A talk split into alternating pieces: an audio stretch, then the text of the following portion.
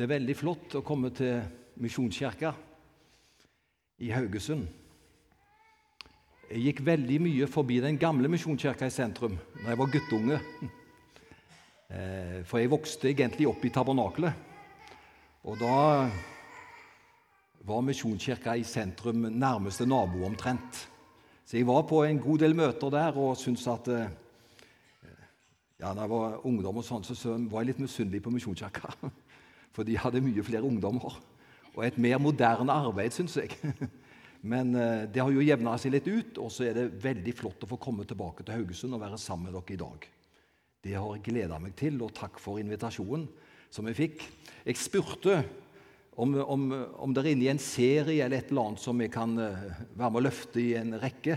Så fikk jeg tilbake Nei, du står helt fritt. Søk Gud. Hva som er det rette budskapet, fikk jeg høre. Og det var jo et stort ansvar jeg fikk da. Det har jeg måttet ha gjort. For jeg kunne jo tatt et eller annet, men det har jeg ikke gjort. Det er faktisk alt eh, det er fersk mat, for å si det sånt. For jeg søkte Gud da på oppfordringer og tenkte Gud, hva er din vilje for et budskap her i formiddag? Og Da har jeg bedt om det, og da tror jeg det var sånn det skulle bli. som det blir. I alle fall så har det vært intensjonen. Men før jeg begynner, så er det helt sant det at når jeg kommer til Stavanger Veldig overraskende, for jeg sa ja til å være i Stavanger. Eh, bare for et vikariat for å hjelpe menigheten til de fikk en hovedpastor på plass. Og Det var jeg veldig tydelig på. I en overgang kunne hjelpe de. Men så var jeg der et godt år, og så kom de ikke lenger i kall av andre. Og Så spør de ja, men Sten, kan ikke du være vår hovedpastor. Nå kjenner vi deg, og du kjenner menigheten. Ja, men det var ikke det jeg tenkte på seg. Jeg skulle hjelpe dere. Jo, men vi vil kalle deg. Og så har de gjort det, og så har jeg også i den saken søkt Gud og snakket med kona og søkt Gud. Det er en god kombinasjon. Og Da ble vi enige om at jeg kunne si ja til det. Så jeg er veldig glad for å være kollega med dere igjen og være en del av Misjonskirka. Så det er kjempefint. Eh, kan vi, kan vi, si at dette er det tredje møtet i en serie som jeg er her? For første møte er alltid litt sånt ta og føle på, liksom. For Når det kommer til tredje møte, da er vi varme, og da, det, da går det av seg sjøl. Så vi, vi, er i det tredje møtet nå. Det er Det er flott. Så det er vi effektive. Eh, kona mi hun er bl.a. også lærer. Og denne uka som var, så fortalte hun en morsom historie. Nei, Lærerne skal jo egentlig ikke si hva som skjer i klasserommet, men det er så langt unna. Men, men så sier hun det at hun, har, eh, hun, en, hun lærer på en kristen grunnskole, og der har de andakt hver dag og Hun er på fjerde trinn, og hun fikk ansvaret for andakten den dagen, den onsdagen. Det var noen dager siden. Og Så snakket hun om dette med, med å ha et tjenersinn. Og så brukte hun den beretningen når Jesus vasker disiplene til, eller Jesus vasker føttene til disiplenes føtter. Det hadde vært forståelig om, hadde vast, om det hadde gått an å vaske føttene til Gud. Det hadde vært en høy opphøyelse i en sånn tjeneste. Men det var disiplenes føtter han vasket. Og Så snakket hun litt om å ha inn og bry oss om andre.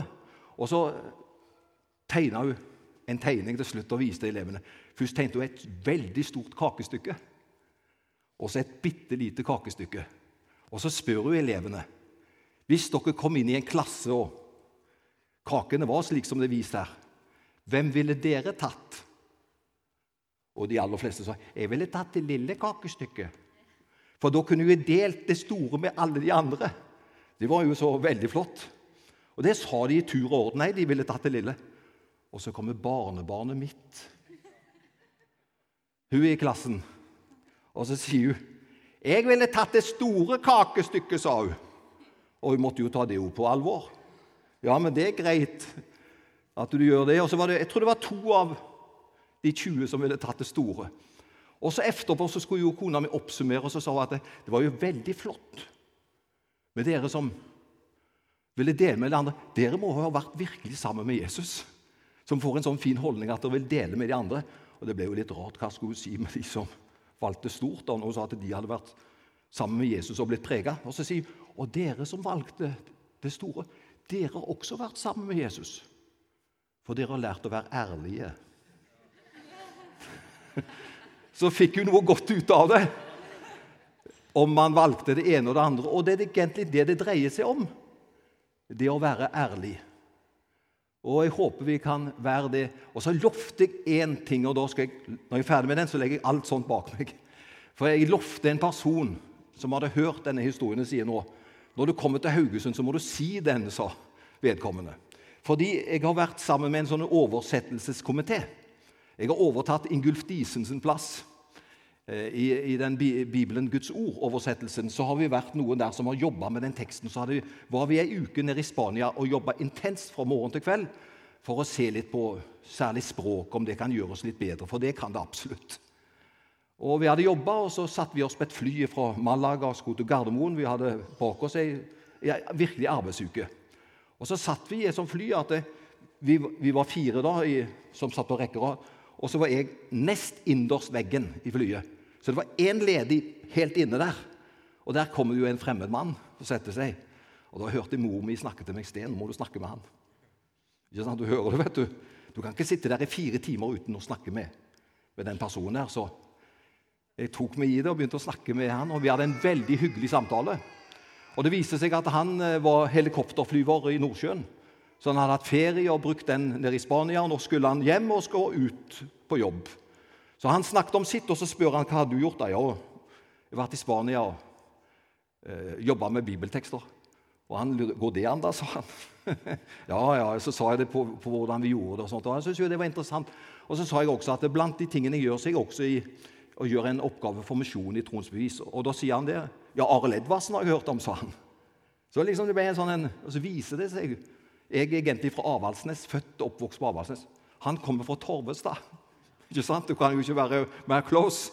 Så vi hadde en kjempegod samtale. Og, og, når jeg snakket om Gud, så opplevde jeg at det var så åpent og godt.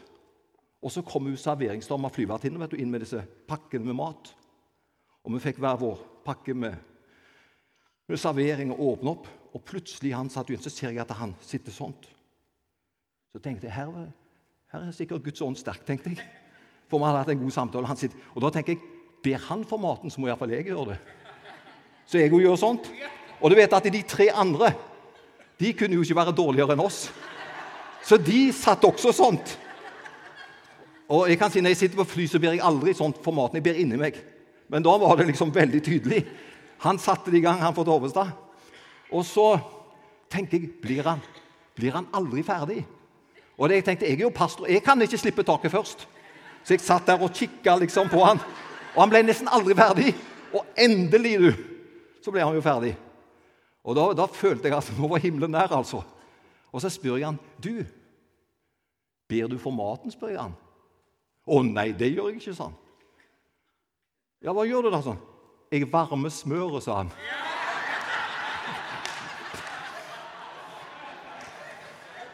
Men det skal sies.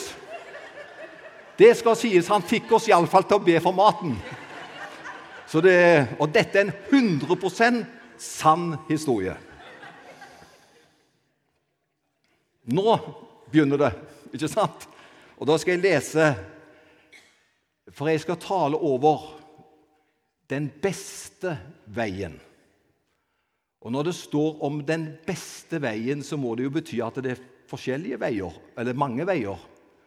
Når én blir liksom utpekt som den beste, så er det jo andre veier. Det sier seg sjøl, men jeg skal bare lese hvor det står henne. Paulus han taler om nådegavene i 1. Korinterne 12 og i kapittel 14. Der underviser Paulus om nådegavene. Og Midt mellom de to kapitlene så er det det som kalles for kjærlighetens høysang. 1. Korinterne 13. Og I overgangen fra siste vers i kapittel 12 før han begynner på kapittel 13 og tar igjen opp tråden om nådegavene i kapittel 14. Så sier Paulus.: Men søk efter de nådegavene som er de beste. Likevel skal jeg vise dere en mye bedre vei. Er ikke det interessant?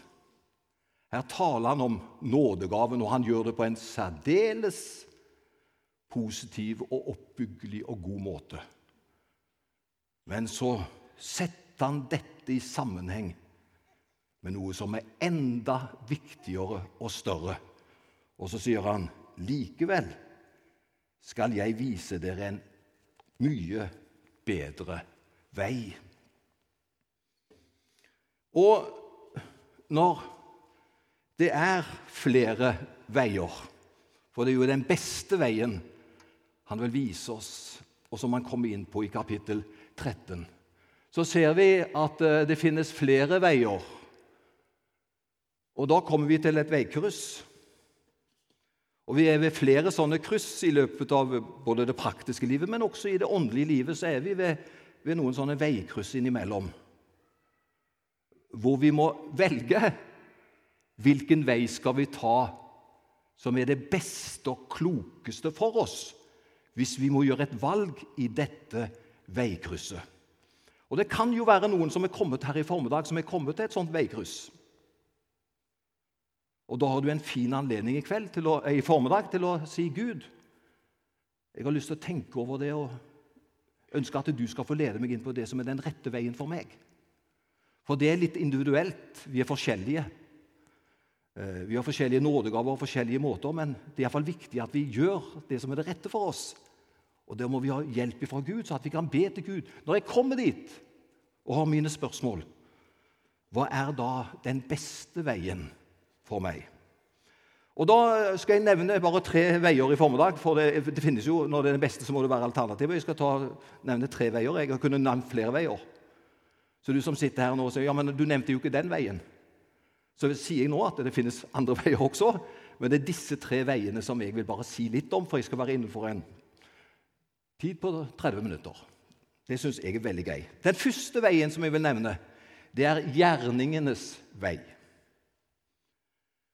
Og det er en vei som mange går på. Egentlig så burde ingen av oss gå på den veien der. For vi vet hva Paulus sier i Feserne 2. 8-10 så sier han det av nåde er dere frelst ved tro. Og det er ikke av dere selv. Det er ikke av deres egne gjerninger. Men dere, sier han, er Guds verk skapt i Kristus Jesus til gode gjerninger, som han har lagt ferdig for oss for at vi skal vandre i dem. Altså, Det er ikke oss selv, det er ikke vår egen vei og våre egne gjerninger, selv om det står så i Bibelen at gjerningenes vei vil aldri føre fram. Og hvis gjerningenes vei hadde ført fram, da trengte ikke Jesus ha kommet. For da hadde vi fiksa det sjøl. Men det er fordi vi ikke fikser livet vårt og kristentlivet sjøl, at vi er avhengig av at han kom som en gave til oss. Og han kom med en gave som er den største av alle gaver. Det er det som kalles for nåde. Guds ubetinga kjærlighet. Så, så gjerningenes vei den er egentlig veldig dårlig. Men det ligger an til oss å tenke Er jeg en så og så god kristen? Er moralen min fin? Da ligger jeg vel godt an. Ja, for Det er faktisk så mange som tenker sånn at jeg gjør så godt jeg kan, så det må vel være godt nok. Men de fleste som er på gjerningens vei, de vil oppleve at de kommer til kort. Noen er gode nok på den veien der, men de fleste opplever at de kommer til kort. Og omkvedet er 'Jeg er slik og slik' og kan derfor ikke være en god kristen. Så forteller de om sine tap, sine nederlag, sine utfordringer, og så konkluderer de med 'Jeg kan vel ikke være en god nok kristen slik som jeg er'. Egil Svartdal var for noen år siden ikke langt her unna. Han var ute på Utsira og lagde en sånn TV-serie for TV 2. Og Så kom han til kirka på Utsira, snakket med folk der. Dette er på tape. Egil har sagt det sjøl.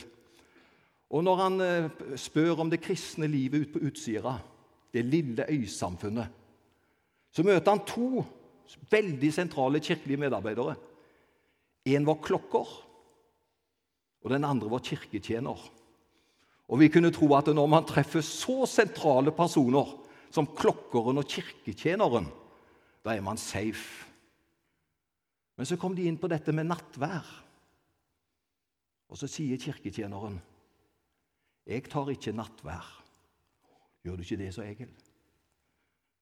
Nei, for jeg tror ikke de andre tror jeg er en god nok kristen. Og Det var ikke bare kirketjeneren som sa det, klokkeren sa det også, som har en så sentral oppgave at 'jeg tar heller ikke nattvær', sa han. Han brukte ikke argumentet at de andre trodde han var for dårlig. Men han sa det jeg gjør det ikke for jeg tror sjøl at jeg ikke holder mål.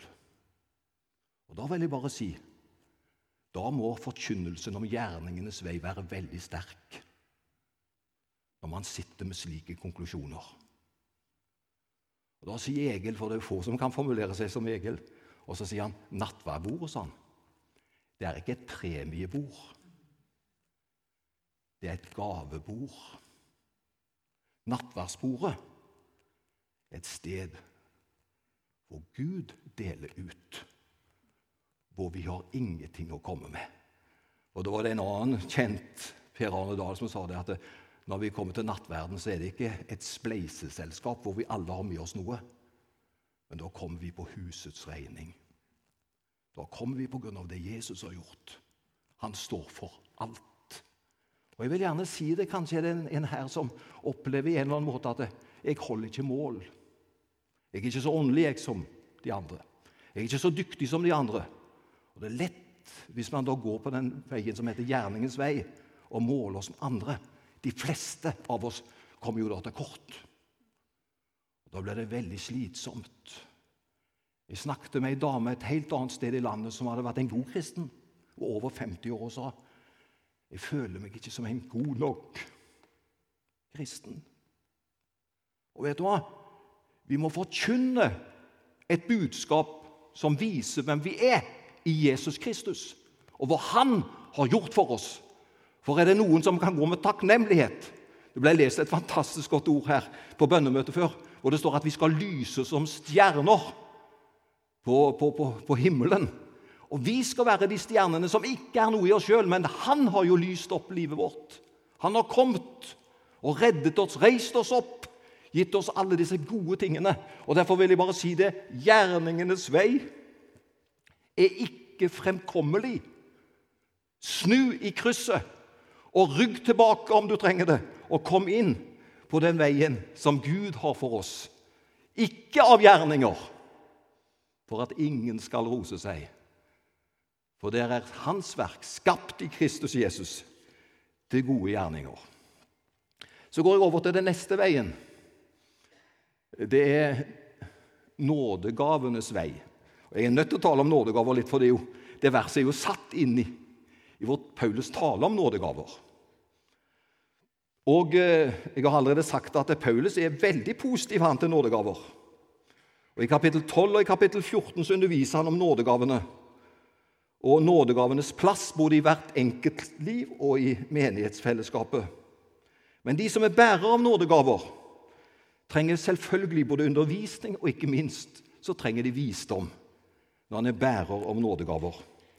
Eller så vet vi at det er få ting som kan misbrukes slik som nådegaver hvis de brukes på en feil måte. Og Når Paulus underviser om nådegavene, så sier han det at og det er noe av dette her at vi må, vi må verdsette det på en rett måte. Så sier han det at øyet kan ikke si til hånden, sier han.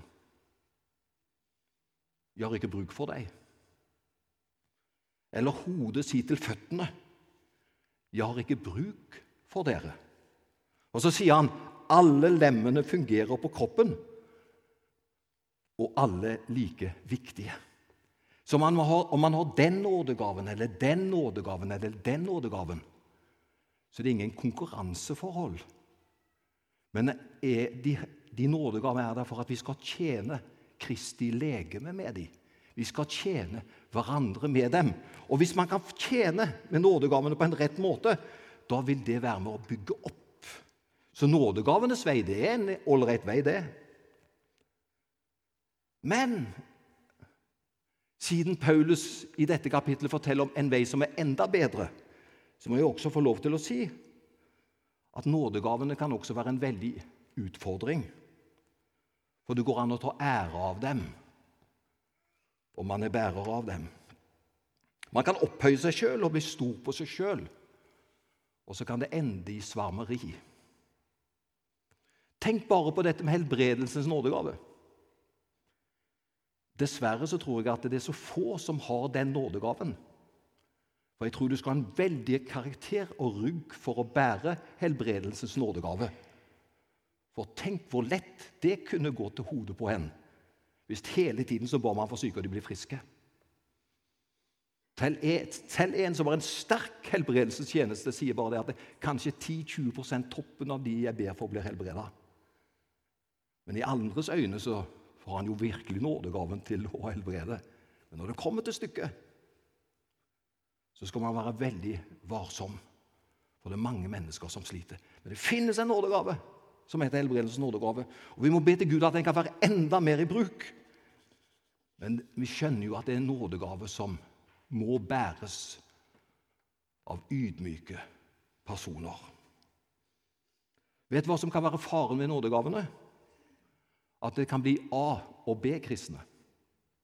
Nå skal jeg være litt personlig. Jeg har vokst opp i en menighet ikke langt herfra. Det var jo røba hvilken menighet det var. Da jeg vokste opp, så var det veldig sterkt et, noen som var A-kristne der, og noen som var B-kristne. De som var A-kristne, det var de som pinsevennene kaller for åndsdøpte, og som talte og ba i tunger. Og De som ikke gjorde det, de fikk fort stempel på de er B-kristne. Og Jeg vet det kunne være valg til viktige verv i menigheten. Og vet du hva de spurte først? Er han åndsdøpt? Så var det kanskje personer som virkelig hadde gaver, som virkelig hadde integritet. Men fordi de var ikke i kategorien A-kristne, så ble de kanskje valgt bort. Men hvis Gud skulle valgt, så er ikke tvil om Det ser du jo bare på hva han sier, hva som er viktigst. Det er ikke gavene, men åndens frukt. Og Hvis det ikke åndens frukt er til stede, da vil jeg si som Fleksnes det er lett å si halleluja. Det er verre å gjøre det. Det er så lett å bli revet med i bølger hvor det ene og det andre blir stempla som åndelighet. Men vet du hva? Åndelighet det vises på tirsdagen. Åndelighet vises hvordan man er i hjemmet sitt, hvordan man er på jobben, hvordan man er i hverdagen. Der vises åndelighet. Det andre kan lett bli også manipulering og noe som han holder på med. Jeg vil bare si det. Sammenlign deg ikke med andre. Ja, men jeg er anfekta, for jeg, jeg skulle ønske de og de gavene i mitt liv. Herren, han har nok gaver, han. Han spør ikke etter gavene dine. Han spør etter hjertet ditt. Han spør etter villigheten din. Og så skal vi tjene Gud med de gaver han gir oss. Og så er ikke dette noe ment å tale ned nådegavene. Tvert om. Men hvis de blir et problem, da er vi på vei i feil retning, altså. For dette skal være en velsignelse, og ikke hvor man måler hverandre. Og eh, det, er så mange bølger i dag òg, vet du. Jeg vet ikke om jeg tør å si det jeg sier nå. Men siden jeg er gjest, så kan jeg jo si mye. ikke sant? Jeg er veldig glad for at jeg, jeg har ikke et stort reisebudsjett ut av landet. Jeg reiser mye i landet. Og eh, jeg hørte noen Det var en kristen reiseoperatør. Og Det var i den tida de reiste til et sted hvor de ikke reiser lenger, på sånne åndelige fornyelsesreiser. Og Så sier operatøren ja, det er ikke farlig, det, for etter noen år så blir det et nytt reisemål. sa han. For de har alltid trang til å reise til nye steder etter nye opplevelser. Vet dere, jeg har opplevd som en fantastisk hemmelighet i mitt eget liv? Og så er det veldig mye billigere. Jeg får møte Jesus i ordet i hverdagen. Der møter jeg Jesus først og fremst. I Guds ord. I de hellige samfunn. Og hvis vi er åpne for Gud der, da trenger du verken å fare opp eller ned. Det vil si, vi trenger ikke reise verken hit eller dit. Vi har Jesus troen i våre hjerter. ikke det flott? Og det er dette livet som Herren har for oss. Og da, da, da, da, har vi det. Og jeg vil bare si det vi har det i menigheten. Vi har det i vårt liv. Og det er det vi må sette fokus på, å bygge menigheter. Vi har det. Eh, ikke gjerningens vei, den skal vi ikke ha. Nådegavene skal vi ha. Vi skal andre veier, for det trenger vi. Men i en rett sammenheng, og så skal jeg til slutt komme inn på den, den beste veien, da, som, eh, som han sier det er kjærlighetens vei. Den beste veien så innleder han 1. Korinterne kapittel 13. Hva er den beste veien da i vår kirke? Og Hvis du ser de første versene i kapittel 13, så blir gode egenskaper satt opp mot den beste veien, nemlig og Nå skal du få noe oppdrag, utdrag av de første versene i 1. Korinterne 13. Den beste veien blir satt opp mot gode egenskaper. All verdens veltalenhet. Tenk å ha slike gaver, du. Profetisk gave.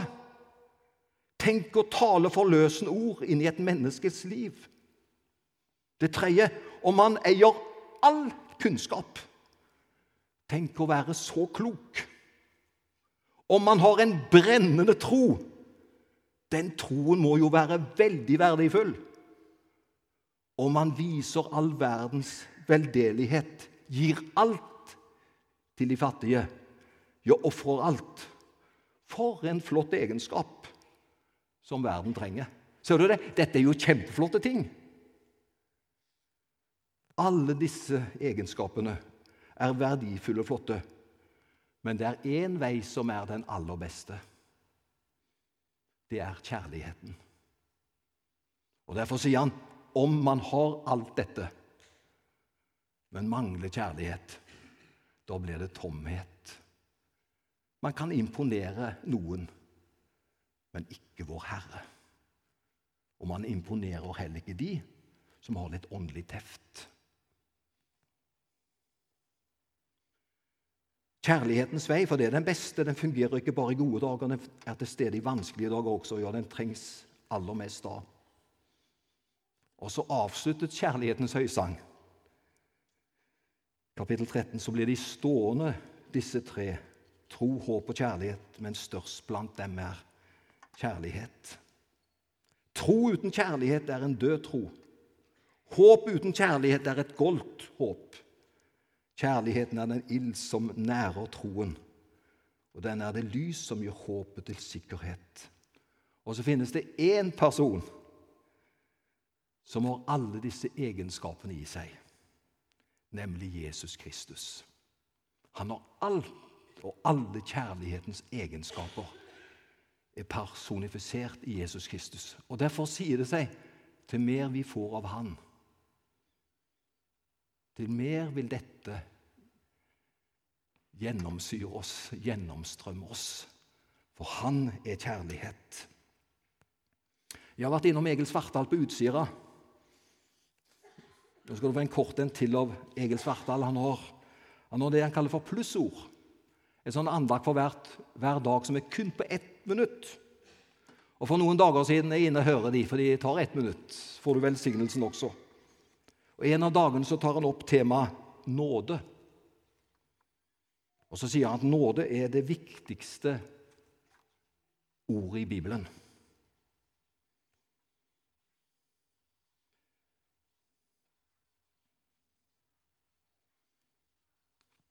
Nåden er jo et resultat av kjærligheten, ikke sant?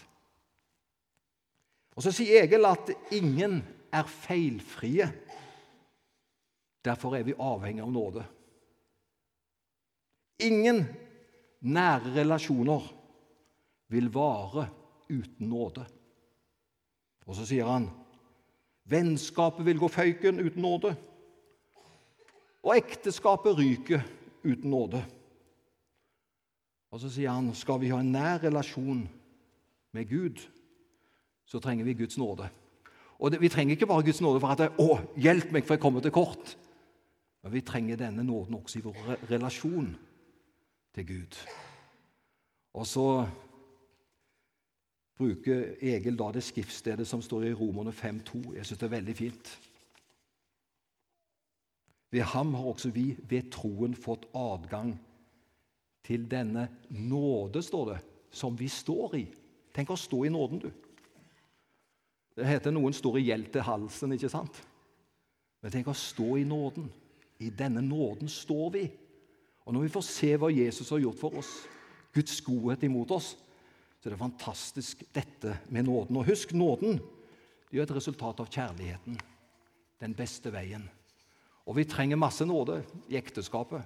Snakket med et menneske for noen få dager siden at når vi var nyforelska, så omtalte vi hverandre så fordelaktig.